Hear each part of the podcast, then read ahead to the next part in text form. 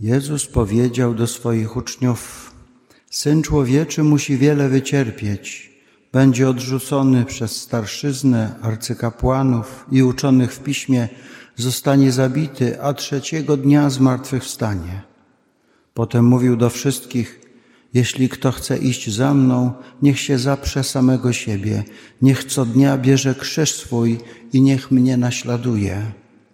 Bo kto chce zachować swoje życie, straci je, a kto straci swe życie z mego powodu, ten je zachowa. Bo cóż za korzyść dla człowieka, jeśli cały świat zyska, a siebie zatraci albo szkodę poniesie. Chciałbym pójść tropem tego, tego słowa, zapowiedzi męki Pana Jezusa, ponieważ rzeczywiście jest to czas Wielkiego Postu, czas, w którym jakoś nasze myśli mają się układać, prowadzić nas jakąś drogą. Tak zatytułowaliśmy tę rekolekcję Droga do Paschy.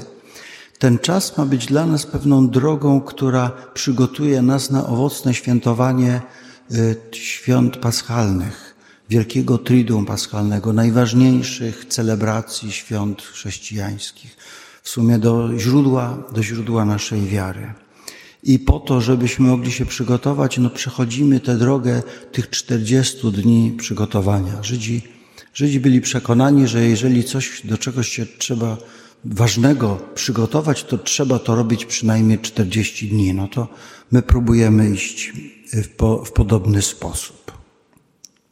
I dzisiaj y, słyszymy y, fragment Ewangelii, gdzie Pan Jezus zapowiada, że nieuchronne jest to, żeby został ukrzyżowany za nas.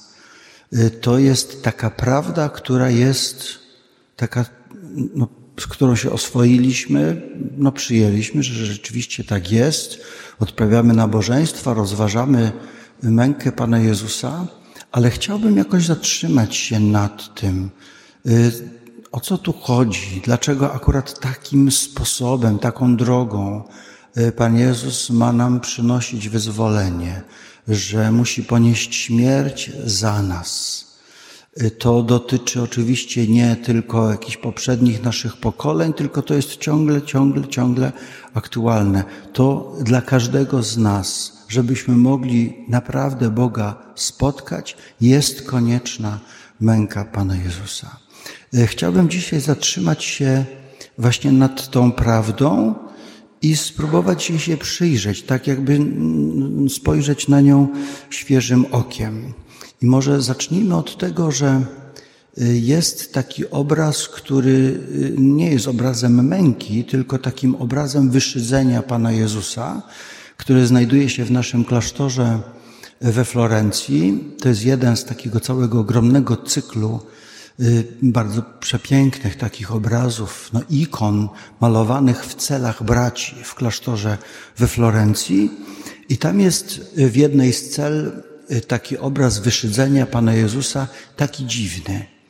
Pan Jezus siedzi na tronie, y, takim, takim krześle, w białej tunice i niby no, po prostu mężczyzna siedzący na tronie, chociaż widzimy, że to jest, to jest y, Pan Jezus, jego twarz jest taka znana z różnych innych ikon i wokół niego takie, no jakby dziwne znaki.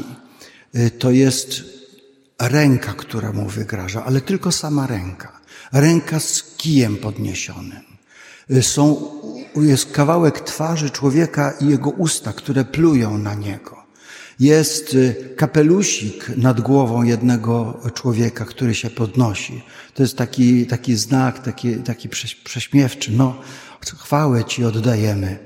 I y, takie, takie dziwne, dziwne jakby puste znaki, za nimi nie kryją się żadne konkretne osoby. Pan Jezus, który siedzi na tym tronie, ma zawiązane chustą oczy. I to jest taka scena, y, która odwołuje się do takiego krótkiego słowa prorokuj, kto cię uderzył. Y, Fra Angelico, ten dominikanin, który namalował ten obraz, on próbował wypowiedzieć taką prawdę. Y, kiedy Pan Jezus jest wyszydzany, przez, przez ludzi, przez żołnierzy, którzy, którzy mają takiego skazańca i mogą nad nim odprawić ten cały spektakl takiego szyderstwa. Pan Jezus ma zamknięte oczy. On nie wie, kto go uderzył. Y, co to znaczy, taka dziwna, dziwna prawda? Czy Panu Jezusowi zabrakło jakoś wyobraźni, czy, czy boskiej jakiejś wiedzy? Y, to jest próba wypowiedzenia tej prawdy, że Pan Jezus, kiedy spotyka się z kimkolwiek z nas, nigdy nie myśli o nas w taki sposób, czy my czasami w przyszłości nie wyciągniemy ręki przeciwko Niemu. Y, nawet gdybyśmy y, spróbowali taki teatr właśnie wyszydzenia tutaj odprawić, Pan Jezus nigdy by nie spojrzał na któregokolwiek z nas, mimo że wie, że wszyscy bez wyjątku jesteśmy grzesznikami i kiedyś to nasza ręka się przeciwko Niemu podniesie. On wie o tym, a jednak nigdy stając wobec nas nie będzie na tą naszą podniesioną, wygrażającą rękę przygotowany. On nie wie, że my kiedyś podniesiemy na niego rękę. Dlaczego nie wie? Y, ponieważ wyrzeka się takiej wiedzy wobec nas. On jest gotów wobec nas zawsze stanąć z otwartymi rękami. Jest kimś, kto spodziewa się z naszej strony wyłącznie dobra. Dlaczego on przyjmuje taką, taką postawę wobec, wobec nas? Y, wyrzeka się jakoś wiedzy o naszych grzechach, wyrzeka się wiedzy o tym, że my kiedyś go zawiedziemy i kiedyś go, kiedyś go jakoś byśmy roz, rozczarowali. Y, dlatego, że on jest gotów przyjąć taką postawę wobec nas zawsze nawet wtedy, kiedy my odwracamy się przeciwko Niemu. Y, woli tak. To jest coś podobnego jak myślę, że rodzice, którzy mają dorosłe dzieci, które na przykład zawiodły w czymś, y, to rodzice zawsze szukają coś, czegoś dobrego w tych dzieciach. Zawsze starają się znaleźć usprawiedliwienie dla tych dzieci jakieś uzasadnienie, czasami bardzo karkołomne, że to coś go tam tak w tą drogę jego wykrzywiło i pewnie nie chciał. Y, właśnie rodzice, którzy, którzy troszczą się o swoje dzieci, na przykład, które zawiodły. Myślę, że to jest doskonały obraz tego, co Pan Jezus, na co się Pan Jezus decyduje wobec każdego z nas. On się po nas chce spodziewać wyłącznie dobra. I tak pozostanie z nami zawsze. Y, w takim razie, jeżeli my występujemy przeciwko Niemu w jakikolwiek sposób, czasami wprost, zadając Mu jakieś tak zwane podchwytliwe pytania, albo takie wystawiając Go na próbę, pytając, dlaczego coś się takiego wydarzyło, dlaczego jakieś nieszczęście się stało, próbując y, Jemu y, przypisać odpowiedzialność. Pan Jezus nie ma przygotowanej odpowiedzi. Zaraz odpowie, moje dziecko, przecież zawsze jestem z Tobą, także w tym nieszczęściu, które się, które się wydarzyło. Pamiętam takiego człowieka, jego wspomnienie mi zostało bardzo, bardzo głęboko. Y, jakoś towarzyszyłem mu w takiej chwili, kiedy przebudowywał swoje życie zupełnie od początku, w bardzo krótkim czasie.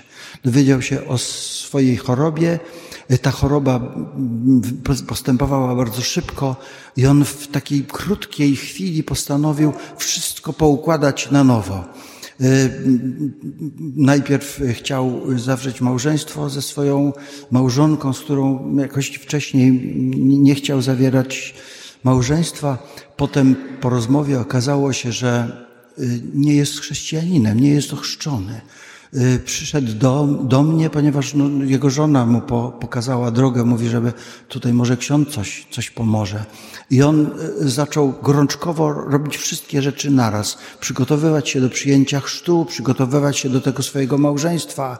Jakoś y, odkrył, że wielu ludzi zawiódł w życiu, bo już dziś rozwiódł się z jakąś jakąś wcześniejszą y, kobietą, z którą też w ogóle nie miał, nie miał ślubu ani mm, sakramental kościelnego, ani, ani cywilnego, że tam zostawił jakichś ludzi takich porzuconych, uświadomił sobie mnóstwo zła, które, y, które zrobił, no i teraz w krótkim czasie chciał to wszystko poukładać na nowo i rzeczywiście jakoś do, doprowadziliśmy do tego, że już w szpitalu, gdzie już nie mógł opuszczać tego, tego miejsca, przyjął wszystko naraz.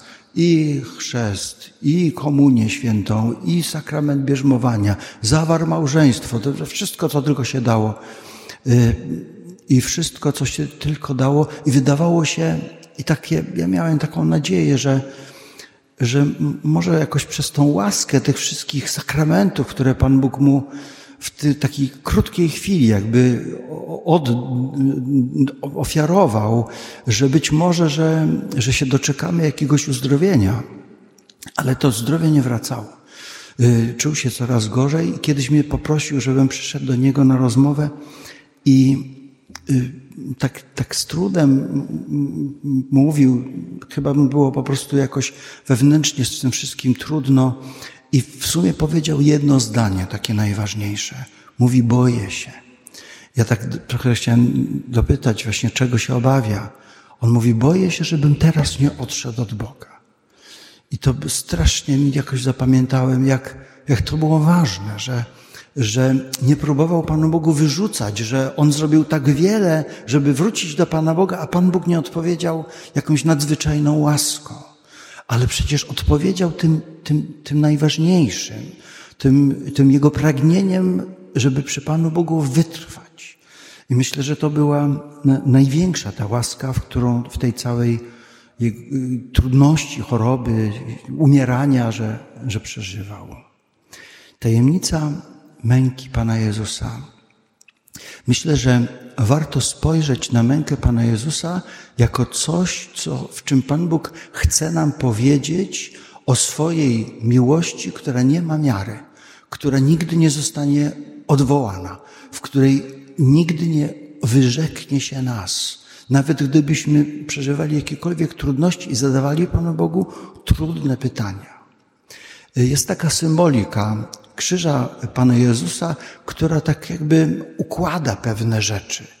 Y, niektórzy tłumaczą w ten sposób, że to, że w taki sposób są ułożone belki krzyża w pionie i w poziomie, że właśnie tak wygląda to narzędzie, krzyż, y, na którym Pan Jezus umiera, y, że ta belka ma nam przypominać taką jakby bezustannie takie najbardziej fundamentalne prawdy, że tabelka pionowa nam przypominać, że Bóg chce naprawdę przyjść do nas, znaleźć miejsce w naszym życiu, w naszych tych wszystkich trudach, smutkach, bólach, porażkach, y, y, grzechach, które, które popełniamy, że Bóg chce przyjść do tego naszego życia z nieba na ziemię, do tego naszego świata.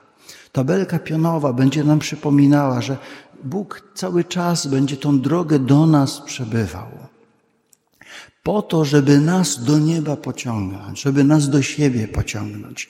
Ta pionowa belka będzie jakoś przypominała tę, tą drogę, tą drogę w dwie strony. Że dla nas wszystkich nigdy Pan Bóg nie zamknie drogi, na której będziemy Go poszukiwać, żeby do Niego, do Niego powracać. Ta tajemnica męki, na którą patrzymy, ona ma ciągle nam y, przypominać, że Bóg, y, który ma te, te ręce wyciągnięte, nigdy ich przed nami nie zamknie, że ta droga będzie dla nas zawsze, zawsze otwarta.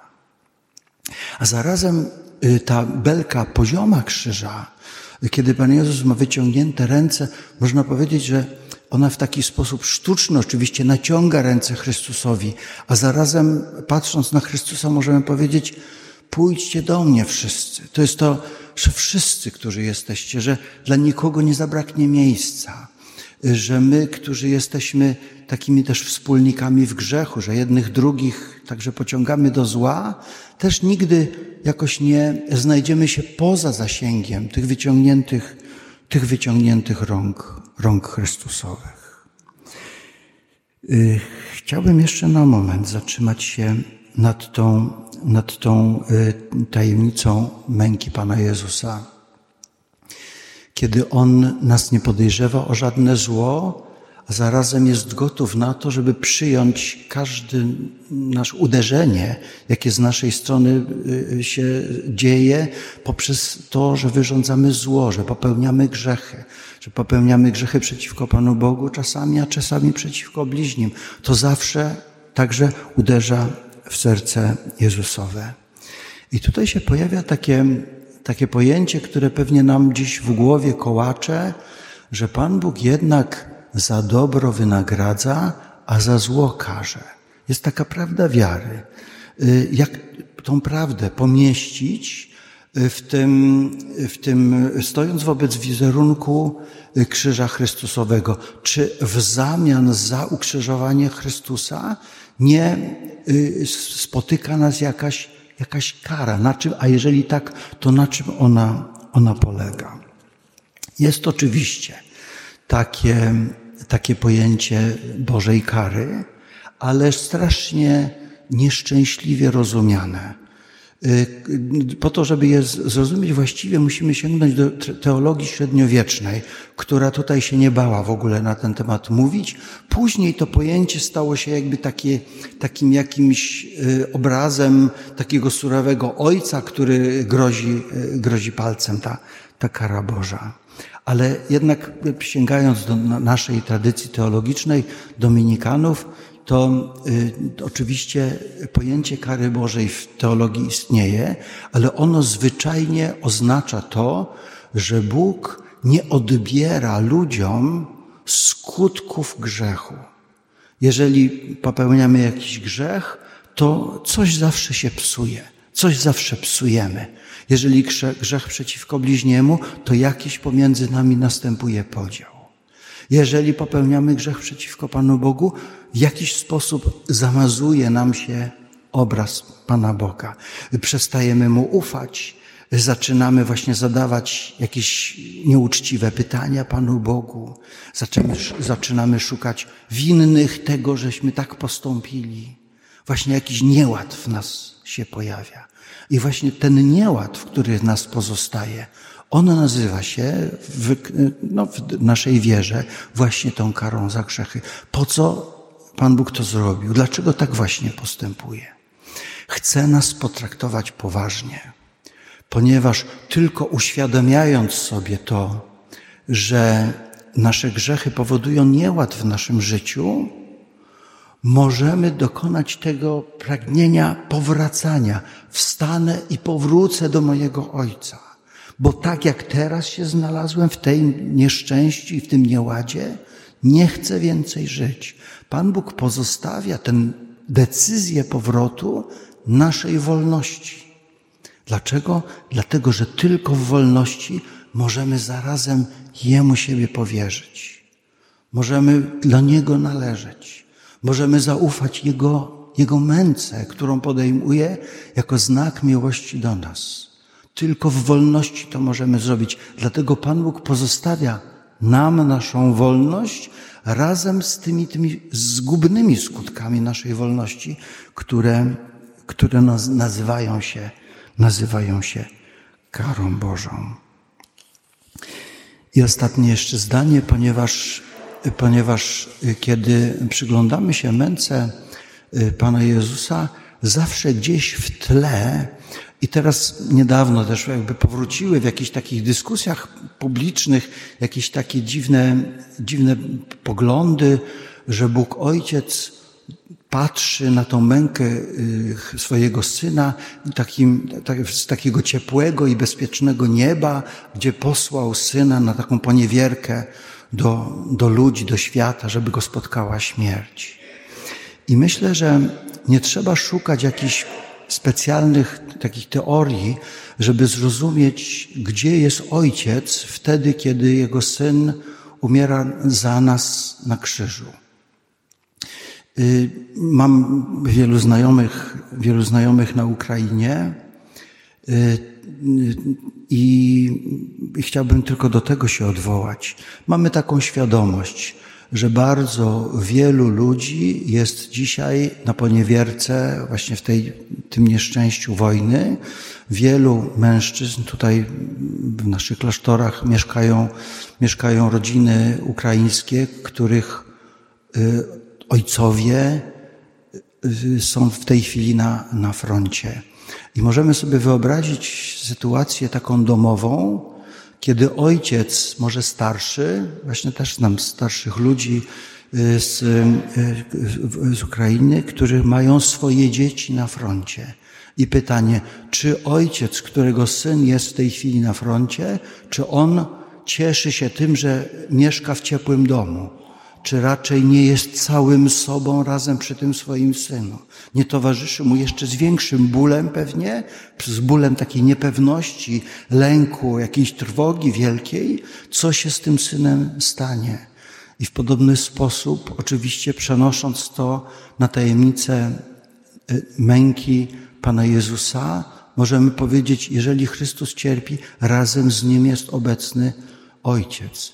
I Ojciec jest e, razem z Synem po co? Żeby nas pociągnąć razem z Chrystusem, razem z Chrystusem do siebie. Chrystus, który ma swoje otwarte ręce na krzyżu, On je ma po to, żeby nas pociągnąć razem z sobą w ręce, w ręce Ojca. W ręce Twoje powierzam ducha mojego. Wracam do, do słów Ewangelii, y, kiedy Pan Jezus dzisiaj do nas mówi, Syn Człowieczy musi wiele wycierpieć. To jest ta, jakby z powodu naszej grzeszności, naszej nieprawości. Ale mówi, jeśli kto chce pójść za mną, niech weźmie swój krzyż. Niech weźmie ciężary, które nosimy. To są ciężary naszej niedoskonałości, ale to jest też ciężar miłości, którą podejmujemy w imię tego, że nawet jesteśmy gotowi znosić jakieś, jakiś ból czy cierpienie. I niech idzie za mną w ręce Ojca. Pan Jezus chce pociągnąć nas na taką drogę. I to jest droga, która ma nas, dopro, ma nas doprowadzić do świąt Paschy. Wtedy, kiedy staniemy pod krzyżem i będziemy wiedzieli, że nie stoimy jako widzowie, ani nie zadajemy sobie pytanie, po co to wszystko. Tylko będziemy zadawać pytanie, jak z Tobą, Panie Jezu, pójść? Jak być z Tobą, żeby być z Tobą w ramionach Ojca, w ręce Twoje oddaję ducha mego. To jest dla nas wszystkich zaproszenie.